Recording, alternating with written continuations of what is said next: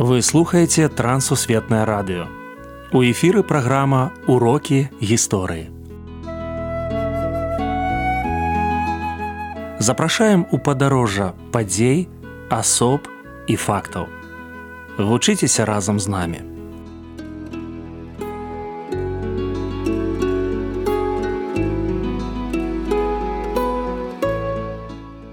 Добрый день, сябры. Ля мікрафона сяржук брышцель і кандыдат гістарычных навук Андрусь унучак. Тэма сённяшняй размовы кухціцкі збор. Прывітанне Андрусь. Прывітанне сяржук. Прывітанне шаноўныя слухачы. Хто і калі пабудаваў збор?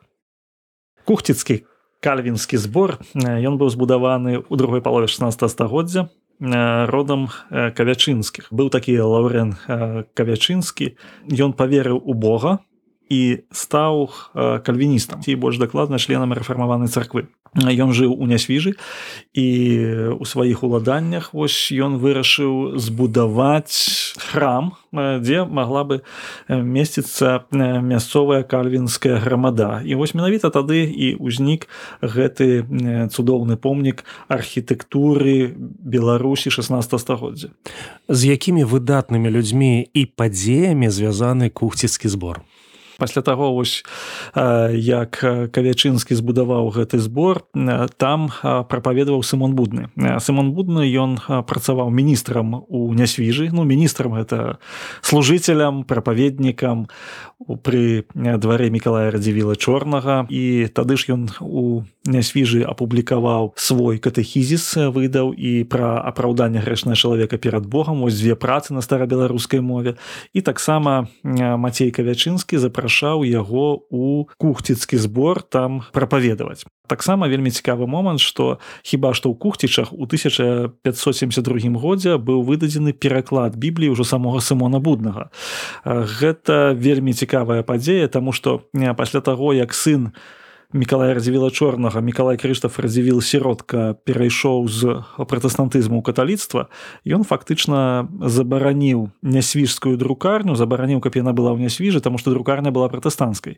І вось тады кавячынскі прапанаваў чаму бы не перанесціся нам у кухцічы і ў кухцічах была адкрыта друкарня друкарня якая працягвала выпускаць евангельскія пратэстанцкія кнігі. Таксама з кухціцкім зборам звязаныя радзівілы вось магдалена радзівіл звязаны такі прапаведнік каталіцкі ксёнз як Андрей зязюля. Звязаныя сапраўды такая цэлая беларуская традыцыя якая працягвалася 16 стагоддзя до 20 некалькі слоў пра кухціскі збор і род радзівілаў адна з найважнейшых асобаў гэта мікалай развіл чорны які жыў у 16 стагоддзі які з'яўляецца адным з асноўных такіх пратэктараў абаронцаў рэфармацыі ў вялікім княстве літоўскім тады быў збудаваны і кухціцкі збор. Гэта было недалёк ад развівілаўскіх уладанняў і кавячынскі крышкоўскі вось яны працавалі мікалая развіла чорнага. І таксама ў двадцатым стагоддзі як гэта не дзіўна хоць кухцічы ўжо перайшлі да роду завішаў гэты збор ён апынуўся ва ўладаннях радзівілаў тому што магдалена у дзявоцтве завіша выйшла замуж за таксама мікалая радзівіла але ўжо іншага мікалая радзівіла. І кухцічы сталі радзівілаўскім уладаннем у тым сэнсе што прозвішча магдалены стала радзівіл.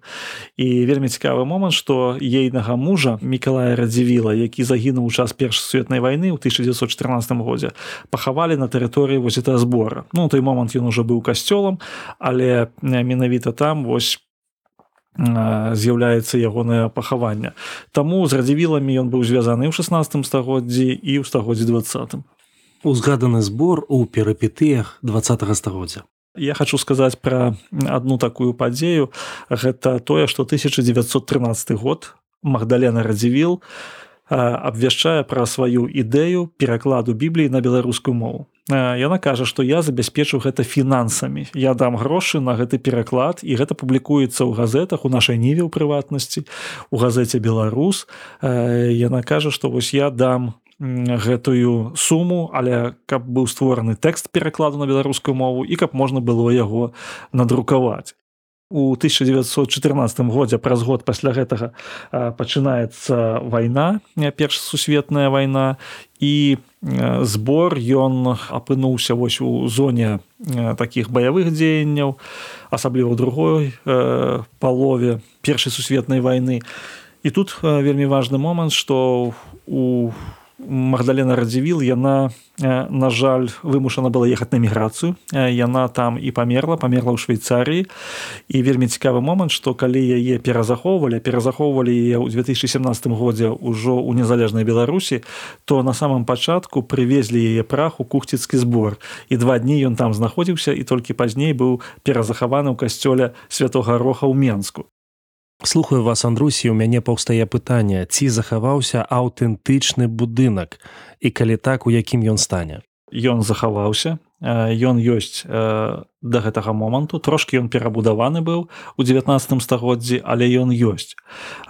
Як я ўжо казаў ён быў перароблены на касцёл былі дабудаваныя дзве вежы але цэнтральная частка і усе асноўныя вось муры яны захаваліся. Кладка 16 стагоддзя захавалася да гэтага часу. Нягледзячы на тое што ў савецкі час там была і электрастанцыя там быў склад.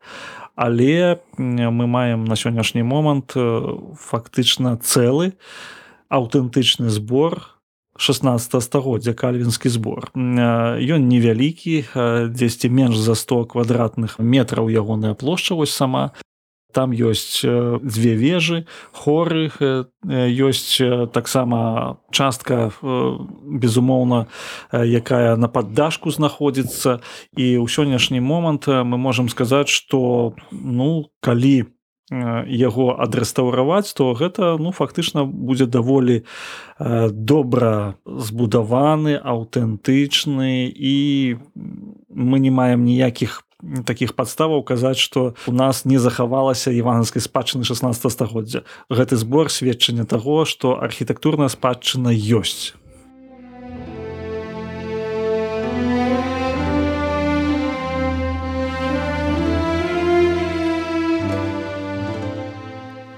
Кухцічы невялікая вёска, якая ў свой час стала цэнтрам асветы.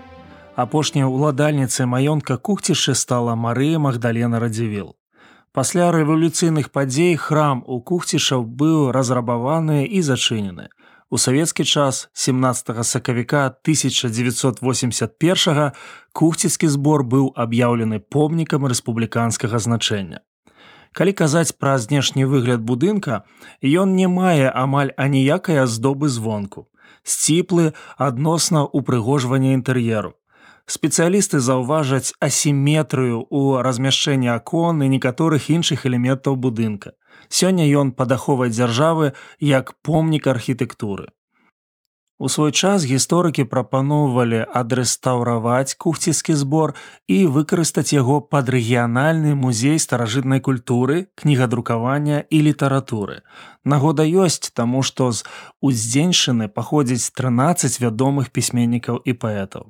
Між тым храм ажно з 2001 ўключаны ў міжнародны каталог помнікі свету, якім пагражае незвяротнае руйнаванне і знішчэнне. Вельмі спадзяемся, што гэтага не здарыцца з кухціцкім зборам. Хочацца верыць, што знойдзецца дальнабачны ўладальнік, які ажывіць наша слаўнае мінулае і адчыніць дзверы збору ў кухцішах для зацікаўленых наведвальнікаў.